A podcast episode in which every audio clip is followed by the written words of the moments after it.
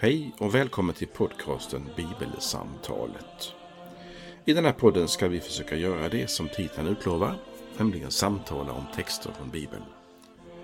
Vår tanke är att varje vecka dela ett samtal om den text från något av evangelierna i Nya Testamentet som är särskilt aktuell den kommande söndagen. Fokus är just samtalet. Kanske kan det inspirera fler till att samtala om bibeltexter. Välkommen att vara med i samtalet på något sätt. Vi som gör den här podden det är Fredrik Borglin, kommunister i Istorps pastorat och Karl Magnus Adrian, präst bland annat tidigare i just Istorps pastorat. Välkommen att vara med. Då så är vi samlade för att ta sikte nu på den 16 söndagen efter trefaldighet. Och vi ska få, som vi säger någonstans, eller skriver någonstans, samtala om och utifrån. En text ifrån Markus 5. Vi har en överskrift som vi får se hur mycket den påverkar oss. Den överskriften är Döden och livet. I den ordningen. Eh, det kanske också är något vi ska prata om. Men vi ska börja med att läsa texten. Markus evangeliet 5, verserna 35 till 43. Medan Jesus ännu talade kom det bud till synagogföreståndaren från hans hem. Din dotter är död, du ska inte besvära mästaren längre. Men Jesus som hörde deras ord sade till föreståndaren, var inte rädd, tro bara. Sedan lät han ingen mer än Petrus och Jakob och hans bror Johannes följa med och de gick hem till föreståndaren. Där såg han upprörda människor som grät och klagade högt. Han gick in till dem och sade, varför ropar ni och gråter? Flickan är inte död, hon sover. Då skrattade de åt honom. Men han körde ut allesammans och tog med sig flickans far och mor och lärjungarna och gick in där hon låg. Så tog han barnets hand och sade, Talita kum, det betyder lilla flicka, jag säger dig, stig upp. Och genast reste sig flickan och gick omkring, hon var tolv år gammal. De blev utom sig av förvåning, men han förbjöd dem att låta någon veta vad som hade hänt. Sedan sade han åt dem att ge flickan något att äta. Så lyder det heliga evangeliet. Lovad vare du Kristus. Ja, då är vi, ska vi nu blicka framåt mot döden och livet. Och kanske är det en annan ordning än den vi är vana vid att tänka. Vi har ju ett uttryck som heter eh, på liv och död. Inte på död och liv till exempel.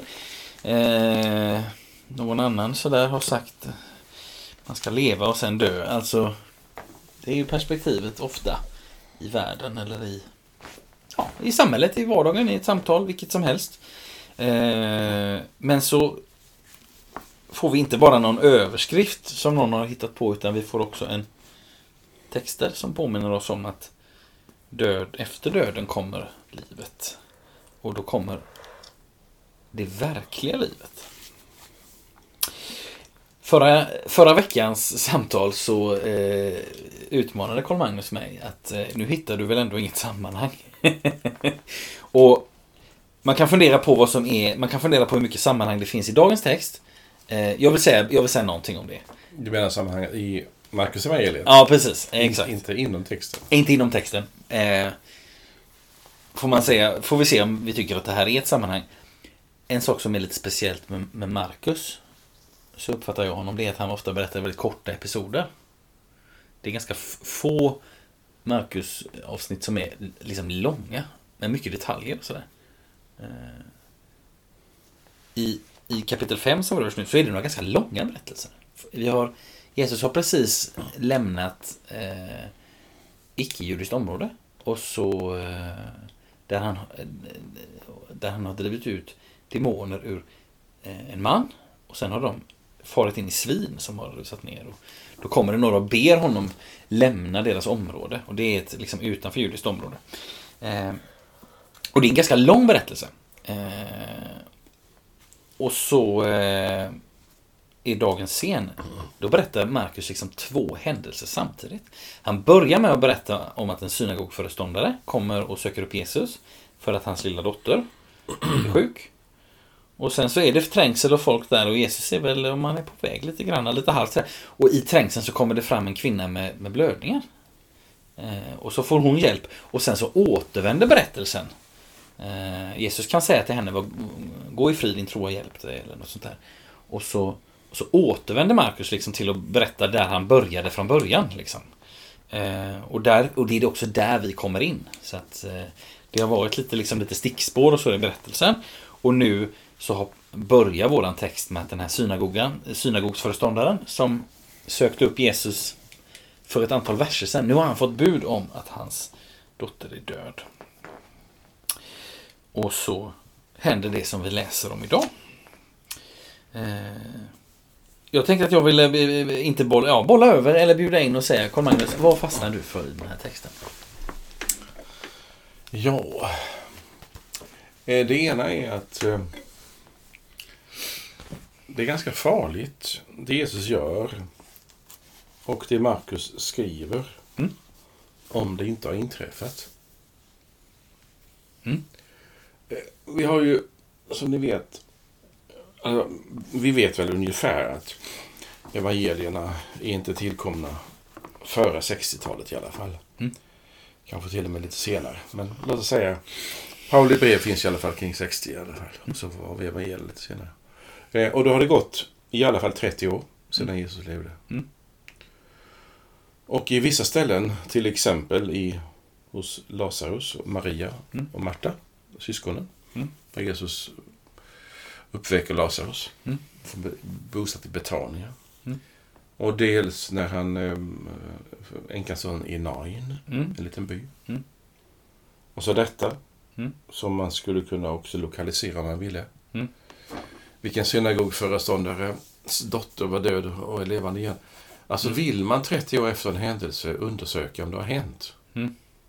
så är det inte komplicerat. Nej. Jag menar, tänk om vi hade varit med om ett under. Du som är yngre än jag, i, här i Öxnavalla till exempel. Någon hade Mm. blivit uppväckt från de döda. Mm. Det hade ju levt kvar i, i folks medvetande hur länge som helst. Mm. Därför menar jag, det är, det är en farlig berättelse eh, för, om, man inte, om man vill misstänkliggöra att evangelierna är påhittade. Mm. Eller att Jesu underverk inte har inträffat. Mm. Därför att eh, man kan åka dit. Mm. När, det, när, när byn är angiven, till exempel Nain eller Mm. Betania. Mm. Åk dit och kolla. Mm. Och gå runt på gatorna och fråga folk.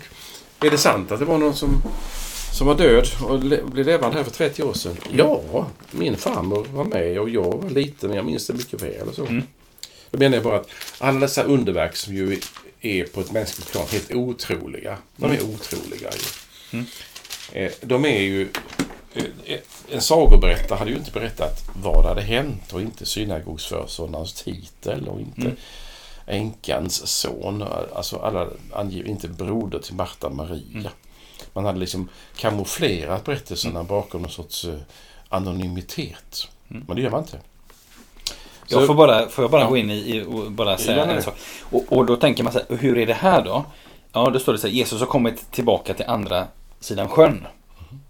Och, då kan vi inte veta exakt vilken, vad det är. Men å andra sidan så står det synagogsföreståndaren hette Jairos. Ja. Alltså det finns en namngiven person. Ja. Och det, jag ville bara stryka under det så att säga. Förlåt, nu avbröt jag kanske det. Kommer Nej, jag menar det, det är... Alla som har läst Bibeln har ju någon gång eh, snavat på, på underverks, underberättelserna. Mm. Har de inträffat? Är de påhittade? Mm. Är- Är det sagor eller är det omskrivningar av någonting annat? Och då är det på något vis som så att, som jag förstår det i alla fall, så är det ju egentligen små ögonblicksberättelser av vad som är möjligt i Guds rike. Mm. Till och med döda kan få liv. Mm. Ja, och då tänker jag lite generellt, nu är jag inte inne i texten som du märker. Nej. Eh, och det är att om Jesus nu kan bota sjuka och uppväcka döda. Mm. Eh. Varför har han ingen mottagning utanför Jerusalem? Mm. Innan man går in i stadsporten kunde man byggt Mm. ett litet hus där. Mm. Det var jättehus. Mm. Så hade han jobbat där Mm. åtta timmar om dagen. Mm. Botat sjuka, uppväckt döda. Mm. Eh, Så gör inte Guds son han blir människa. Utan han gör punktuella insatser. Det här gäller Guds rike. Och ni får se det en, en aning nu. Ni får se det glimtvis, Mm. ögonblicksbilder. Mm. Eh, som predikar om någonting, eller som Mm. talar om någonting, som pekar på någonting. Och framförallt det här ordet peka tycker jag om. Alltså vi som lever just i detta ögonblick pekar framåt, vart är du på väg? Mm. Eh, det är inte hopplöst, det, det är inte kört. Det finns en möjlighet. Mm. Och några exempel har vi fått. Mm. Det var mitt första Mm. sätt att bita tag i den här texten. Mm. Jag hakar i lite, eh, jag hakar i det som du säger det här med att varför har Jesus inte en mottagning? Ehm, där han... Eh, och vi, jag, jag tycker vi kan få en... Vi kan få en hjälp i texten idag till att se detta med att vi får glimtvis eh, försmak av liksom Guds rikes kraft.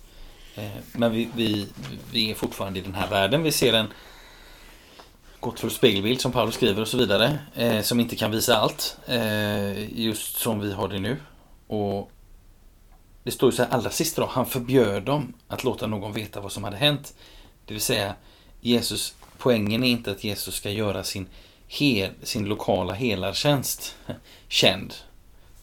För hade han varit så att säga, ute efter att marknadsföra det så hade han ju sagt Gå ner och berätta här. Nöjda kunder kommer tillbaka och sprider ordet så att det kan komma fler potentiellt nöjda kunder till min helartjänst i Nasaret AB. Eh, utan så att säga Han börjar ju Jag tänker att i början av evangelierna, eller i början av liksom hans verksamhet, det låter alltid konstigt att säga Jesu verksamhet, det är liksom ett, det är liksom Jesus alltjänst eller någonting, men, men, men så, så, så är, blir han ju för många, vad ska vi säga, han blir en lokal helare, Mm. medan hans, hans uppdrag är att bli en global frälsare. Alltså att det är han så här, och, och, och, och liksom ett led i det är att Jesus också kan säga, berätta inte om detta. För att då blir det ett sånt fokus Det blir, på ja, detta. det blir ett Ja. sånt stort. Och Jesus har ju också själv sagt tidigare, Markus, låt oss gå bort till byarna där och där. Så att jag kan predika där också. Det är därför jag gått ut. Alltså att det, det är ordet i centrum så att säga. Sen är detta ändå fantastiskt det som händer. Mm. Ehm. Med hon, ja nej. Nej, men du hade tidigare ett ord som du antydde. Och det är, för det finns ju många, om man tittar på texten här. Mm. Så är det för det första, eh, lokal, nu har de, eller, de- vet nu att flickan är död. Mm. Och eh, det vet nu också Jairus, Mm. föreståndaren. Mm. Och sen kommer eh, och då ger de upp. Alltså Mm. när vännerna börjar ha berättat för honom att flickan är Mm. död så säger de ju det är ingen idé, bry dig inte mer. Nej. Det vill säga där, där är den gränsen som vi alla människor känner igen och känner till. Mm. Och då ska vi inte vara annat än människor. Är du död så är du död. Punkt. Ja. Mm. Och så kommer Jesus in i den här självklarheten Mm. med eh, och säger var inte, tro, var inte rädd. Jag tror. Eh, och sen när han då kommer till huset och går in där så är det också fortfarande samma, inte motstånd, men där skrattar de mot honom. Ja. Eh, och, och tidigare så, så menade de att det är ingen idé med någonting sånt för att hon, flickan är död. Eh, och jag tycker också det, det är bra ibland att, att man förstår att eh, det är verkligen så att eh, Jesus, i, när han dog på korset, han var verkligen död. Han begravslaget i en grav. Han var, han var, liksom, han var stendöd. Mm. Ursäkta uttrycket. Mm. Eh, och så blir han levande. Lazarus är stendöd. Mm. Flickan är stendöd. Alltså det är inte någon sorts eh, kamouflerad skendöd. Ja. Sånt här. Och just in i detta kommer undervisningen, löftet om uppståndelsen. Det ska vi prata om lite senare kanske. Men Mm. hur vi ska se på detta med livet och döden. Mm. Och då tänkte jag bara, det här var bara ett för, preludium till det ordet som du själv sa. Mm. Hon sover. Mm. Du gick igång på det, Mm. tror jag. Eller hur? Ja, man kan fundera på, för jag tänker så här, va, varför säger Jesus det han säger? Varför säger han hon är inte död, hon sover? Varför säger han inte hon är död? Ja. Punkt. Men jag ska väcka upp henne. Ja. Det är... Det är intressant. ja det är verkligen. Om jag får eh, filosofera lite kring det, kring, kring det ordvalet. Eh, det är en väldigt absurd situation också. Man tänker, vi kan ju tänka oss själva här om vi skulle finnas med i det här hushållet där den här flickan har dött. Låt oss säga att de två eh, eh tjänarna, Fredrik och Karl Magnus, eh, liksom, som brukar städa i huset, så där, de finns också med här. Och så är vi med här hos flickan. Och så kommer det någon lokal halvkändis som har gjort en ett och annat stort. För det har ju varit ganska många under i, i, i Marcus evangeliet redan, eller liksom i, på vägen redan. Och så kommer han in och så säger han Hon är inte död, hon sover. Och då tänker man så här, hur, hur hade man reagerat då? Hade de blivit förbannad? Eller? Ja, alltså. Eller- skämta eller- inte om sånt här. Eh, ja, precis. Och, och så, så här, när de skrattar åt honom, är det liksom för att de skrattar för att liksom det här är så absurt det han säger. Så, att, Ja, det är det. så vi, eller, eller hånskrattar de. Ja, det jag. Du är ju inte riktigt i huvudet. Liksom. Men- Eller förstår du vad jag menar? Ja, jag tänker framförallt att det är två olika sätt att be- bemöta detta. I första fallet med de här tjänarna. Ja. Som de säger, "Bry- prata inte mer om Jesus. Nej. Kalla inte in honom för det är för redan för sent. Mm. Det vill säga de har gett upp. Ja. Och de här som håller på att gråta och Ja. begråta flickan som Ja. är död. De signalerar ju samma sak. att om de, om de gråter eller ropar eller skrattar. Skrattet är en sorts Ja, det är en, det är en känslomässig reaktion på någonting som är absurt. Ja, absurt Mm, det är ett bra mm, ord tycker jag. Mm. Jag hade nog blivit, eh, jag hade nog blivit förnedrad, arg Mm. på dem. att eh, Kom inte in här och vi sörjer ju henne så kommer Mm. du säga att hon, är, att hon sover. Det gör hon Mm. inte alls. Mm. Hon är verkligen död. Mm. Så jag tror det, ja, det är verkligen det är en verkligen absurd situation. Ja, det är det. Det är bra sagt. Och så säger han detta och de reagerar på något märkligt. Eller på, på något sätt som... eh, eh, Situationen är så absurd så man kan liksom inte klandra, man kan inte heller klandra eh, de som skrattar. Av vilken anledning de än skrattar. För det, det, hela situationen är så konstig. Mm. Mm. Eh, för en vecka sedan pratade vi om Marta och Maria och då kan man tycka att ja, Marta hon hur reagerade hon egentligen? Då kan man ju lite mer dissekera men här är så här, nej men hela situationen är så konstig. Mm. Här är en flicka som är uppenbart död. Eh, och och eh, det, det visste människor för 2000 år sedan hur en död människa såg ut. Mer än vad vi gör idag tror jag. Mm. Det var naturligare eh, med att människor dog. Och, och gjorde det i hemmet och Just så vidare. det. Och här kommer någon Kalle Banan och bara säger detta. Mm. Eh, och då tänker jag så här, varför gör då Jesus det? Du vet varför han säger det han säger? Ja, precis. Varför säger han inte det? Varför säger han då inte till exempel eh, Hon är död, men det, det löser vi. Eller alltså, förstår du vad jag menar? Och, och Ja. Alltså vi kan, ta, vi, vi, vi kan ta ett exempel som, nu gör vi ett litet stickspår här, eller ett sidospår och det är att eh, du nämnde Lazarus förut som är en av de andra personerna som, som Jesus väcker upp. Eh, och också i det fallet så säger ju först Jesus till lärjungarna, Johannes 11, det, det var ju ett kapitel som var aktuellt lite förra veckan. Vår vän Lazarus sover, men jag går för att väcka honom. Och då säger typ lärjungen Thomas, om han sover blir han frisk. Det är ju liksom så här, säger nog 1177 till många människor som ringer, nej men ta två Alvedon och, och vila. Eh, och, och då säger Jesus bara, han är död. Liksom. Alltså, då, då är han tydlig. Och varför, varför säger han det han, han säger idag? Han, varför talar han om detta som en sömn? Och då tror jag, tes kommer nu, äntligen. Ehm, så här, vi stannade till för lite innan att Jesus är inte, poängen med hans tjänst är inte eh, Jesus allservice som botar och helar åtta timmar om dagen och, och har mottagning i någonstans.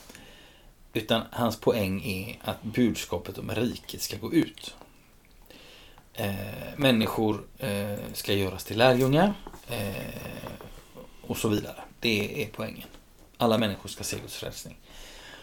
Och hade Jesus velat ha en så att säga bara en lokal hela verksamhet hade han varit någon slags mänsklig undergörare med någon märklig förmåga bara utan att ha någon utan att vara den Messias som kristna bekänner honom som. Då hade det varit naturligt att säga eh, hon är stendöd. Hon är så död. Nu ska jag, nu ska jag gå och uppväcka henne eller någonting. Mm. Men när Jesus istället talar om att det här är en, att hon sover.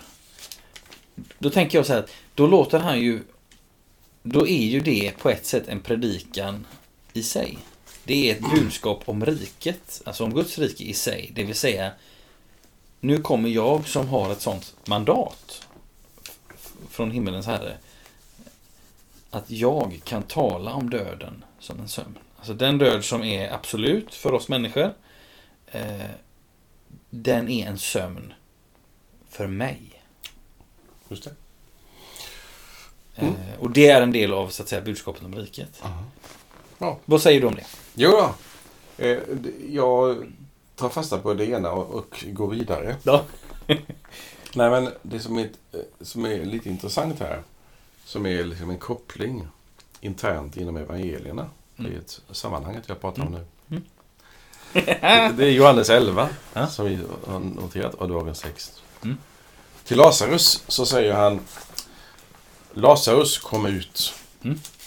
Alltså han står framför den här graven, eh, klippgraven, med någon sten framför kanske. Mm. Eh, nu sitter han här hos flickan som är död i vår text idag. Mm. Tar barnets hand och säger Lilla flicka, jag säger dig, stig upp. Mm. Alltså han tilltalar de döda Ja. med ja, Lazarus kom ut, eller Mm. flickan steg upp. Alltså när Guds son talar till så blir det liv. Mm. Och då öppnar sig ju ett perspektiv som jag gärna kan tala om en timme. Gör det. Vi har Nej, eh, 24 Nej, minuter jag kvar ska, jag ska eh, hänvisa för de som är intresserade av Mm. detta till att eh, om man läser eh, kapitel 1 i Första Mosebok Mm. och jämför det med till exempel Johannes 1 Mm. eller Kolosserbrevet 1 så ser man att det som är det skapandet, så som Bibeln beskriver skapandet Mm. i Bibelns början, hur den har skett, så är det att Gud har talat till någonting Mm. som blir till. Alltså han talar och så blir det. Mm. Och nu ska ni först få en bild som är väldigt medvetet barnslig, men jag står för det. Alltså om, om jag skulle hålla fram min hand här, nu håller jag den med kupan uppåt, alltså med handflatan uppåt. Och den är tom. Och så säger jag eh, till min handflata, så säger jag sten. Mm. Och så lägger, lägger sig en sten nu i min Mm. handflata. Mm. Eh, det är helt absurt, eller hur? Mm, mm, mm. Ja, ja. Jag kan inte skapa med mitt ord. Nej. Gud kan skapa med ordet. Mm. Det är, det, det är skapelsekapitlets eh, liksom, poäng. Att Gud säger och det blir. Mm. Gud säger och det blir. Gud säger och det blir. Mm. Han skapar.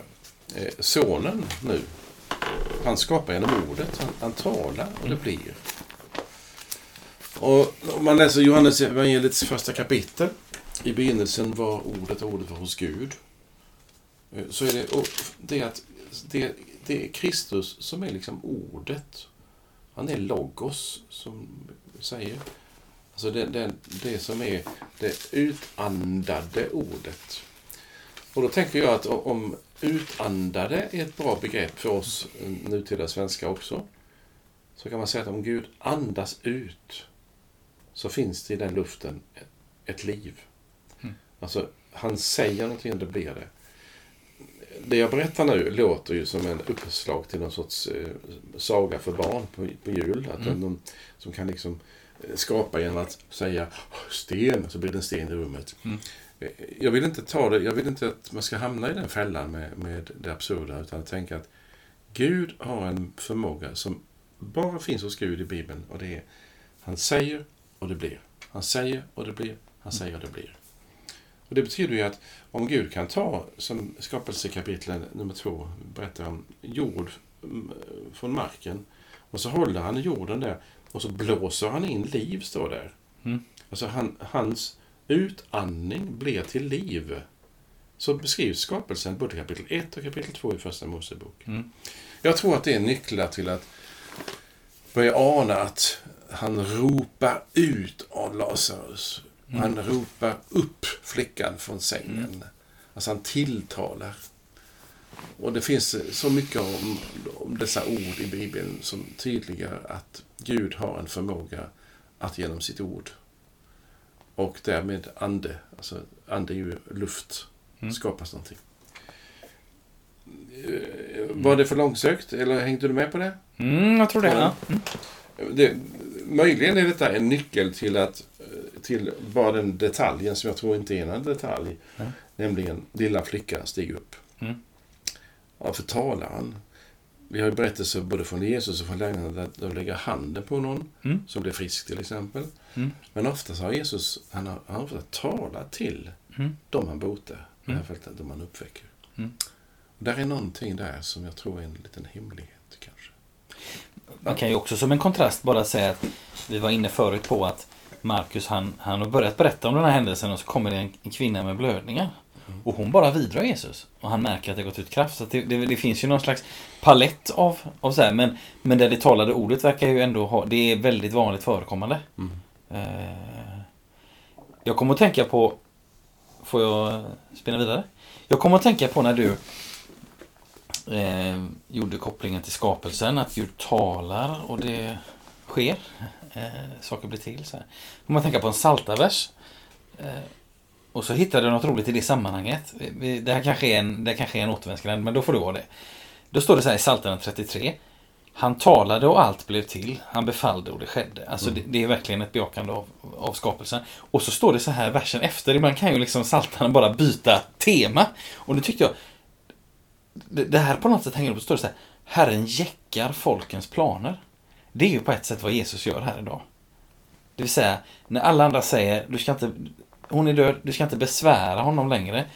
Vilket ju i sig är ganska det är ganska absurt att, alltså, så som, nu kan man ju inte, nu kan man inte begära att, eh, att de här tjänarna som säger, eh, det är väl tjänarna som säger till, till, till synagogföreståndaren, eller ja, de här andra människorna, du ska inte besvära mästaren längre.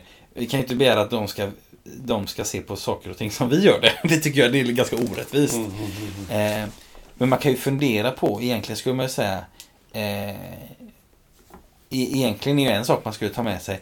Om någon, om någon någonsin säger att du inte ska besvära mästaren Jesus, eh, så, så säg till dem att vara tysta.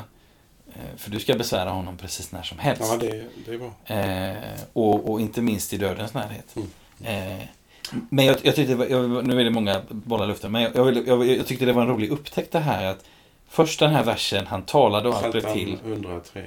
Eh, ni- eh, 33. 33. Han befallde och det skedde. Alltså först det här, ja, precis, eh, ja, alltså en kommentar på ett sätt på det som, som Jesus gör och som Gud gjorde i skapelsen. Och sen så här, Herren jäckar folkens planer han gör, och gör deras avsikter om inte. Det är också någonting, det är också en del av vad Jesus gör idag.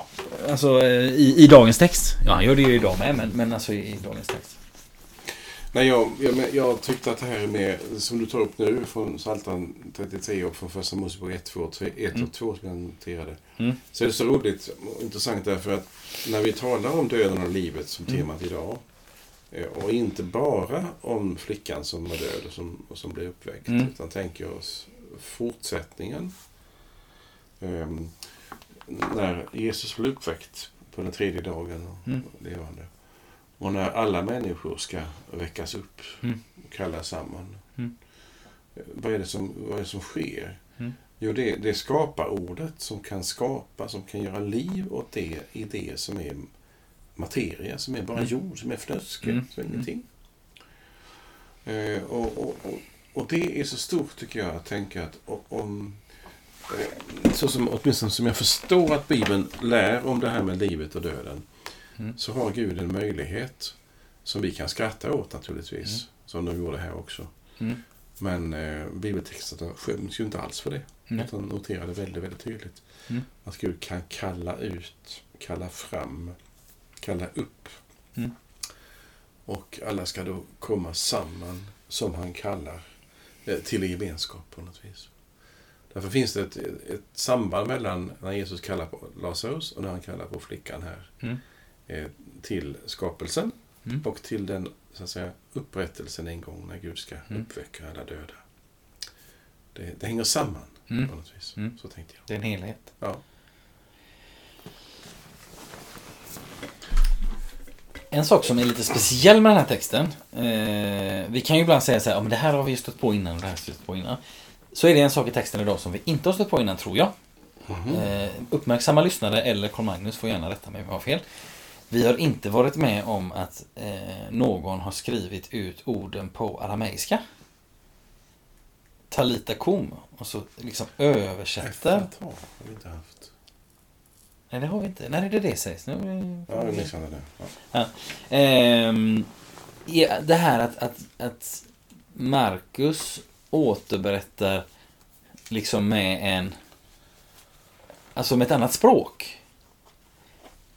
Det, det är ju jätteovanligt. Det finns på några ställen i evangelierna. Efata. Eh, eh, detta och, och, och säkert något mer ställe. Eh, sen så här, vad gör vi av det? Eller vad, vad, hur ska man ta till sig det? Vad betyder det? Eh, det, finns att säga, det ligger ju inget magiskt i orden. Eller är det liksom... Ja, vad tror du? Alltså jag har ju en gissning. Ja, Eh, vi ser ju här att sedan lät han ingen mer än Petrus, Jakob och Johannes Mm. följa med. Mm. De är med. Sambandet me- mellan Markus och Petrus har vi väl Mm. nämnt en gång kanske, annars kan vi säga det igen. ja kan vi kan säga att Markus är väl sekreterare till Petrus. Mm. De har i alla fall connection, verkar det som. Efter uppståndelsen och Ja. tidiga kyrkan och så. Ja. Ja. Eh, och om nu Petrus är där och sen berättar valda delar för Markus till Mm. exempel, som inte var där. Så kan jag tänka mig att det han minns, Mm. det måste ju vara och nu talar jag verkligen, nu är det här Mm. verkligen utflippat egentligen. Nej, nej, fe- fel ord, men det är väldigt eh, fritt. Mm. Tänk dig om Jesus sitter där och så, ropar han ut eh, Talita kum. Alltså han, det, det är ord som Petrus kommer ihåg, som har Mm. etsat sig in. Han sa bara Talita kum och flickan reste sig upp. Ja, ja. Så tänker jag att Mm. Så enkelt är ju ingen teologisk förklaring. Det, det är bara en, en minne. Han har, han har Mm. minne i örat. Det sitter liksom Mm. på trumhinnan skrivet Talita kum. Så sa Mm. han. Ja. Och flickan reste sig upp. Mm. Eller? Ja, du, du tänker på det lite som en, ungefär som en, det är liksom det avgörande. Eller det är liksom en minnesregel för att komma ihåg berättelsen, eller? Jag tror att i den absurda situation som vi tecknade ganska nyss. Mm. I i det här rummet. Där Ja. ligger hon och alla de står utanför och skrattar och gråter och, Mm. och tjoar. Mm. Pappan är jätteledsen och, och så de tre lärjungarna och Jesus. Och så flickan som är död. De tre lärjungarna, de tycker att det här är nästan lika absurt som jag skulle tycka det var. Mm, Tror du mm. det? Jo. Och så sitter de där så tar han handen på flickan som är död. Och så säger han Talita kum. Alltså det, de orden måste ju liksom ha varit, varit Mm. som ett spjut eh, in i denna tystnad, i denna dramatik. Så kommer Mm. det ett ord. Mm. Flickan steg upp. Ja, jag hade ju kommit ihåg det här. Mm. De kan väckt mig mitt på natten så hade jag kommit ihåg Ja. det. Ja men precis, för jag tänker i hela situationen här att, att liksom hon är död, föräldrarna är med. Jesus vill ändå gå in dit. Lärjungarna följer med och eh, gör, tar nog, får man kanske säga förhoppningsvis, inga egna initiativ. Eh, I detta. Så det, jag håller med dig, det här är som en, en spjut, ett spjut in i tystnaden på något sätt. Ja. Eh, och jag tänker också på, om man nu tänker lite, om man tänker så här, nu, nu, nu ska jag sä- säga det, jag säger i full respekt för att det här är en unik situation. Och också utifrån att, nu talar vi om bibeltexten, men jag fick bara lyfta upp som ett exempel. Jag berättar tio, jag berättar tio berättelser för min vän Carl Magnus. Det kan vara liksom eh, några ro, två roliga historier, eh, två glada nyheter, eh, fyra, fyra jobbiga händelser och, och två övriga. Alltså jag, jag liksom, vi har inte sett på ett år och jag berättar tio saker för dig. Tio situationer som har hänt. Eh, bra, dåliga, blandat så. Alla betydelsefulla för mig. Och då tror jag att det, det kan vara flera av de situationerna som jag berättar om där, där just ett ord, att någon säger någonting, är det avgörande. Ja, jag var på det här mötet och jag tyckte det inte var så roligt. Och... Men då sa ordföranden. Ja, ja, detta och det blev jag arg av. Eller du förstår vad jag menar? Absolut. Alltså det är så att säga, det finns, vi har, alla som hör, Mm. hör detta, eller alla människor har, har varit med om liknande situationer. Inte så här dramatiska tror jag inte, det i alla fall inte jag själv. Där liksom ett ord är det som ändrar allting. Mm. Eh, och, och då är det inte konstigt att de, och utifrån det tänker jag, nej men då är det inte konstigt att, eh, ja men lite som du sa, jag skulle minnas det om du väckte mig mitt i natten. Ja. Eh, det finns något ja, autentiskt i det. jag tänker lite vidare, men det kanske går för snabbt nu. att Ja, eh, när, vi, när vi ser på det här temat idag, Mm.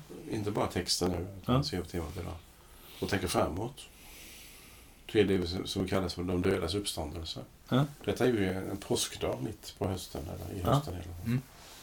Det. vad, vad är det, vad är det som den här påskdag signalerar för någonting till mig? Ehm, Paulus har ett uttryck i episteltexten idag, jag ska inte läsa mer än precis bara en liten detalj här. Jag längtar efter att bryta upp och vara hos Kristus. Det vore ju det allra bästa. Han, han har skrivit så sagt att död eller liv. Jo. Så sen, men det, för er skulle det bra att jag lever kvar, men jag skulle egentligen vilja dö. Mm. För då får jag vara hos Kristus. Eh, alltså det som, det som döden är i det här fallet, som Jesus kallar för sömn. Mm. Det vill säga det är någonting som han kan tala in i och tala Mm. ut människan Mm. ur.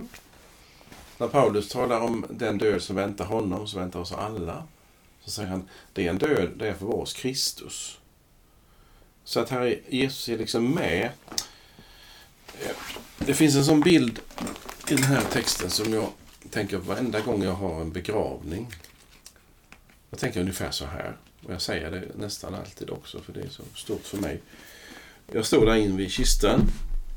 Och så är det en nisse, eller en bit som har dött. Och så tänker jag så här att eh, när han dog då för x antal veckor sedan och dagar sedan. Vad var Jesus då? Mm. Jo, då tog han handen, Nisses hand, och så la han Nisses hand i sin och så la han den andra handen ovanpå. Han var där. Han följde honom liksom in i döden. För han har varit i dödsriket. Jesus har varit där. Han har själv varit i, i döden. Och den som inte, så att säga, den som inte fallerar inför döden, den som, den som är närvarande i döden, det är bara Jesus. Mm. För han har varit både levande och så dog han. Och så ligger Nisse där då för döden, han har dött säger vi. Och så är Jesus där och, och liksom är vid hans sida medan han fortfarande har de sista sekunderna kvar i livet. Och så följer han med honom in i döden, i dödsriket. Och där är Jesus närvarande. Han har varit i dödsriket. Ehm, och tar liksom ut Nisse därifrån också, genom på uppståndelsens morgon. Men det som Paulus hjälper oss med, som är ett tillägg till den här lilla eh, be- berättelsen, det är att Jesus är med under livet, han är med in i döden. Och när jag kommer över tröskeln till döden Mm. så är jag hos Kristus, säger Paulus. Alltså, det är en sömn, ska vi säga, nu låter det här ord som jag inte riktigt vill stå för en dogmatisk eh, undervisning. Det är en sömn där man drömmer.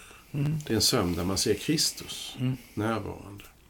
Alltså man får omedelbart vara hos Kristus på något sätt. Eh, Och då behöver vi inte spekulera nu i väntan på domen. Hur lång tid är vi där? Dödsriket, skärselden. Nej, jag, jag går inte in i de frågorna med min, min bild nu. Utan bara detta att här är en Jesus som inte sviker, som är vid dödsbädden, som är hos den döde flickan. Mm. Och som själv har varit i dödsriket och kommit ut därifrån. Det ger en annan syn på döden och vägen därifrån. Som gör att det blir lite mer, ska jag säga rumsrent, fel ord, Mm. att få säga hon sover. Mm. Så kan den säga som är herre över liv och död. Mm. Som vet vad det handlar om. Mm. Men jag måste säga, hon är stendöd. Mm. Ingen diskussion om saken. Mm. Jesus säger, ja, det är lite mer än så här förstår ni. Mm. Döden som för dig är absolut definitivt, det är det inte för mig. Ja. Men jag var verkligen död är på korset och Mm. lade sin grav. Mm. Och på tredje dagen uppväcktes jag. Mm. Och det var något jag fastnade vid, som du sa. Ehm. Du sa... Jo, du sa så här, och det förändrar vår bild av döden. Ja, gör det. Ehm. Men det gör inte döden... Alltså man kan säga så här, det förändrar vår bild av döden. Men den kan ändå vara mörk. Absolut. Eller sådär, alltså jag tänker på... Ja, men död är död. Ja, död är död, ja. Paulus skriver i första Thessalonikerbrevet 4, tror jag det är. jag skriver, vi vill att ni ska veta hur det går med de som är avlidna. Mm. Så att ni inte sörjer som de andra. Alltså det betyder inte, så då behöver ni aldrig sörja någon. Nej. Utan då är det här, härligt bara. Nej. Och, och det står heller inte så att ni inte behöver sörja lika mycket. Nej. Mm. Men ni behöver inte sörja som de andra. Det vill säga, sorgens tavla kan fortfarande vara väldigt svart, men det finns en evighetsram runt på något sätt. Eller man, Ja, jag menar hoppet och löftet och de här små glimtarna vi har. De är ju väldigt... ehm, De är ganska få, men de är Mm. väldigt tydliga. Mm. Och det är så bra också att vi inte kan spekulera mer. Mm. Eh, Vi skulle ju vilja spekulera mer. Ja, och säga, absolut. Eh, vad händer exakt i dödsögonblicket? Mm. Och, och, och sådana berättelser där folk har varit döda och kommit tillbaka igen och sett sig Mm. själv utifrån och så. Eh, vi skulle vilja veta väldigt mycket mer. Mm. Eh, och Bibeln är så otroligt klar över livet och döden och evigheten och hoppet och Mm. tron. Men det som, som jag vill spekulera kring, det här är ganska tyst. Mm. Jag säger, jag säger bara på ett ställe ungefär att eh, håll inte på med sånt där. Det vill säga rådfråga de döda. Det kanske finns möjlighet till det. Mm. Alltså han säger inte att det är omöjligt att, att det finns en kommunikation. Men syssla inte med det. Ja. Det, det löftet. Mm. Det, det ordet som, som vi har med oss i alla fall. Vi har inte mycket ord om detta, men Ja. lite grann. Men det är så fascinerande att tänka på det. Och det finns inte, vad jag förstår, eh, spekulationer kring detta i skrifterna. Men det finns löften om den som tror på mig ska leva om han än dör. Ja. Jag är uppståndelsen och livet. Och så vidare. Ja. Och det blir tydligt, tycker jag, när man läser många texter parallellt. Mm. Ja. Jesus diskuterar ju detta med uppståndelsen en gång. Eh, Det är mot slutet av hans, det är liksom sista veckan, så är det ju en del sammandrabbningar. Och då talar han med saddukeerna, de tror inte på uppståndelsen, det gör ju fariséerna. Eh, Och så, då så säger Jesus så här, att de döda uppstår har också Mose visat istället om törnbusken, där han kallar Herren för Abrahams Gud och Isaks Gud och Jakobs Gud. Gud är inte en Gud för döda utan för levande, ty för honom är alla levande. Mm. Lukas 20. Eh, alltså det finns, Märkligt ställe. det finns insprängt eh, på fler ställen. Mm. Detta. Och det, ja, det är också, det är också här, vad betyder det? Alla är levande. Ja. Då, då, för då, det, jag tycker så här, det tycker jag, nej men för honom är alla levande. Och därför kan han tala om döden på ett annat sätt än vad vi människor kan göra. Ja. Därför kan Paulus utifrån det hoppet säga, ni behöver inte sörja som de andra. Nej. Men sör, sörja, Mm, ja mm, absolut. mm, Eh, Att, att tro att vi inte skulle sörja, det skulle vara något över, överförhandlingar tror jag.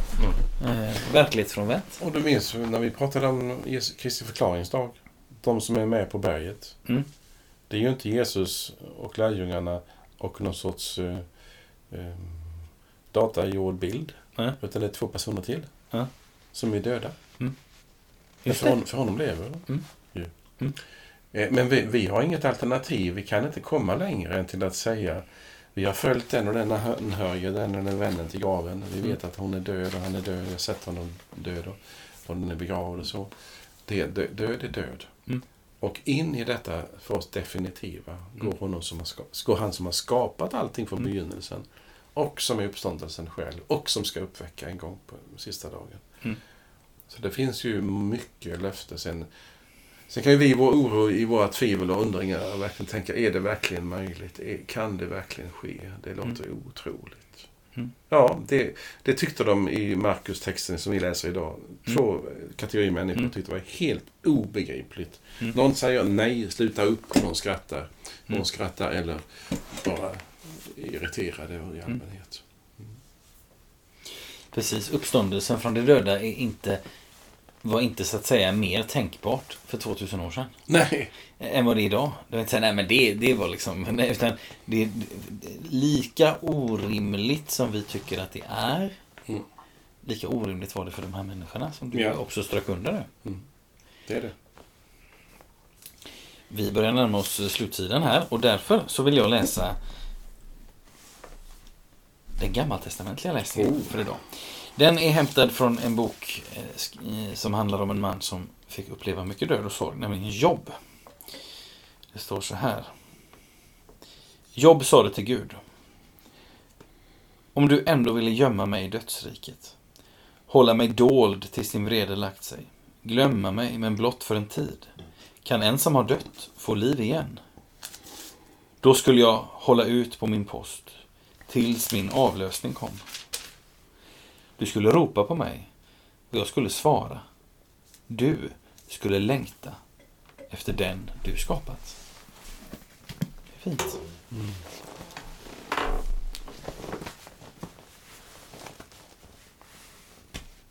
Tack för att du har lyssnat, du som har gjort det. Eh, hoppas att du får med dig något att samtala vidare om, fundera vidare om. Och kanske också besvära mästaren med i en bön. Han låter sig gärna besväras. Eh, tills vi hörs igen önskar vi dig som lyssnat allt gott och Guds välsignelse. Hej då! Hej då!